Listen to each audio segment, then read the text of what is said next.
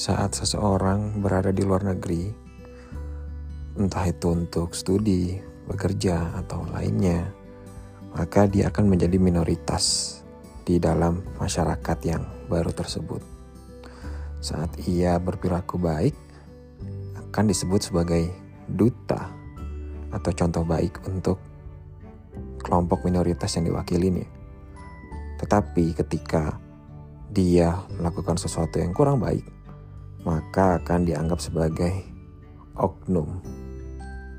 Apakah salah menjadi oknum? Dan apakah semuanya salah oknum?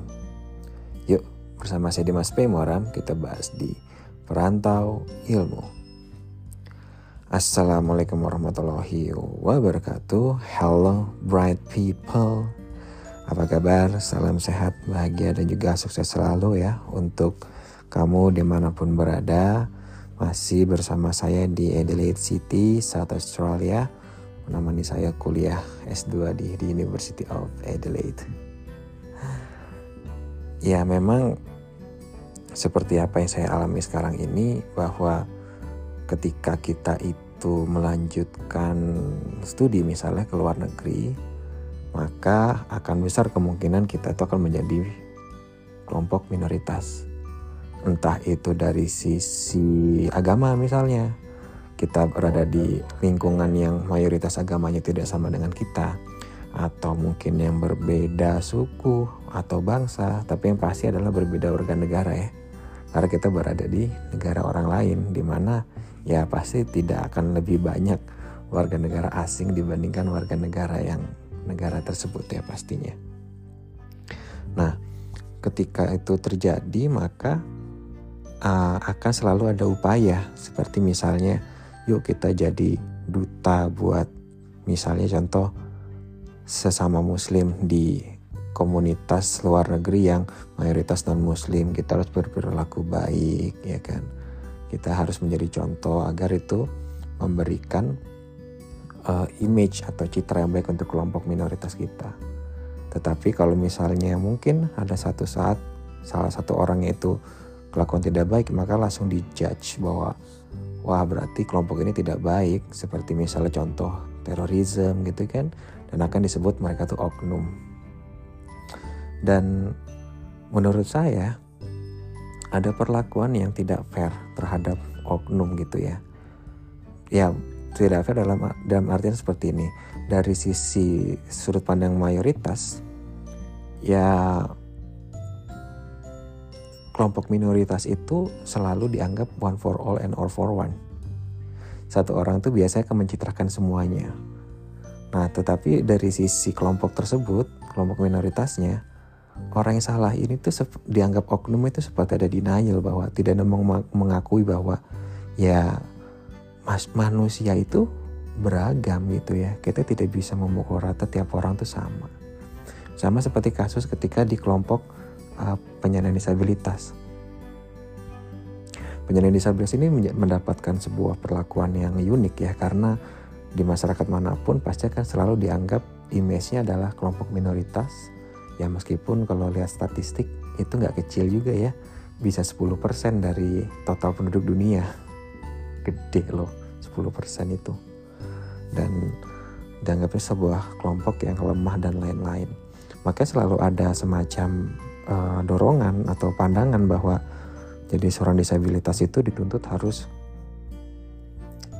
pantang menyerah, harus uh, punya pemikiran yang positif, harus bisa berusaha lebih keras pada yang lain. Itu image-image yang seperti itu.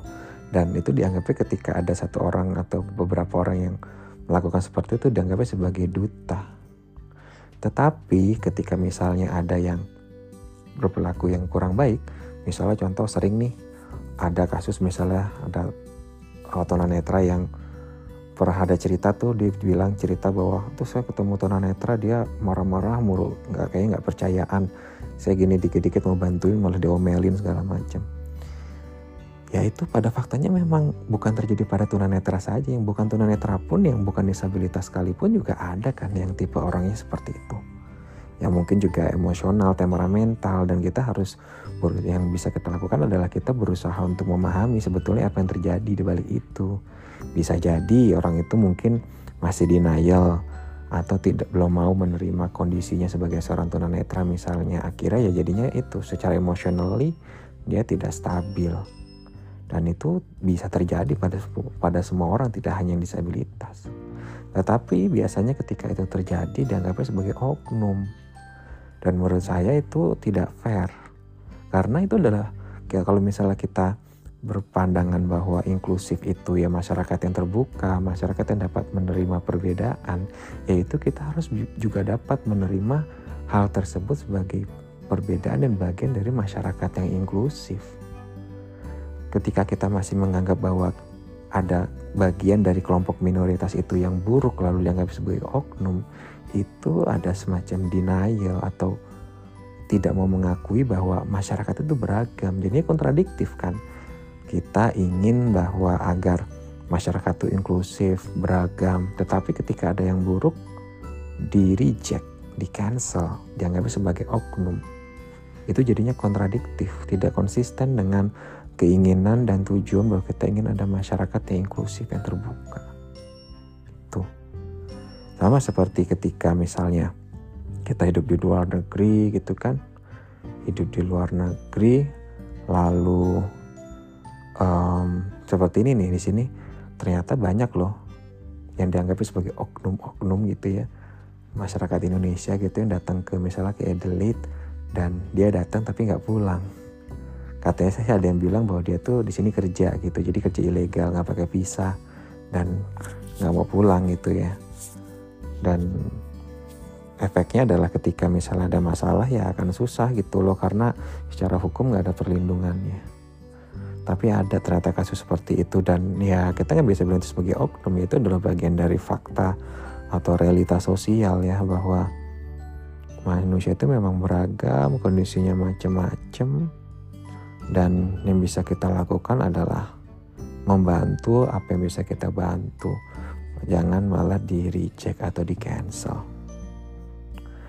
itulah memang serba salahnya menjadi oknum ya Kadang seseorang ketika baik disebut sebagai duta, tetapi ketika misalnya ya melakukan kesalahan yang mungkin tidak hanya dilakukan oleh terkait dengan karakteristik tertentu saja, tetapi semua orang bisa melakukan itu juga, tapi dianggap sebagai oknum.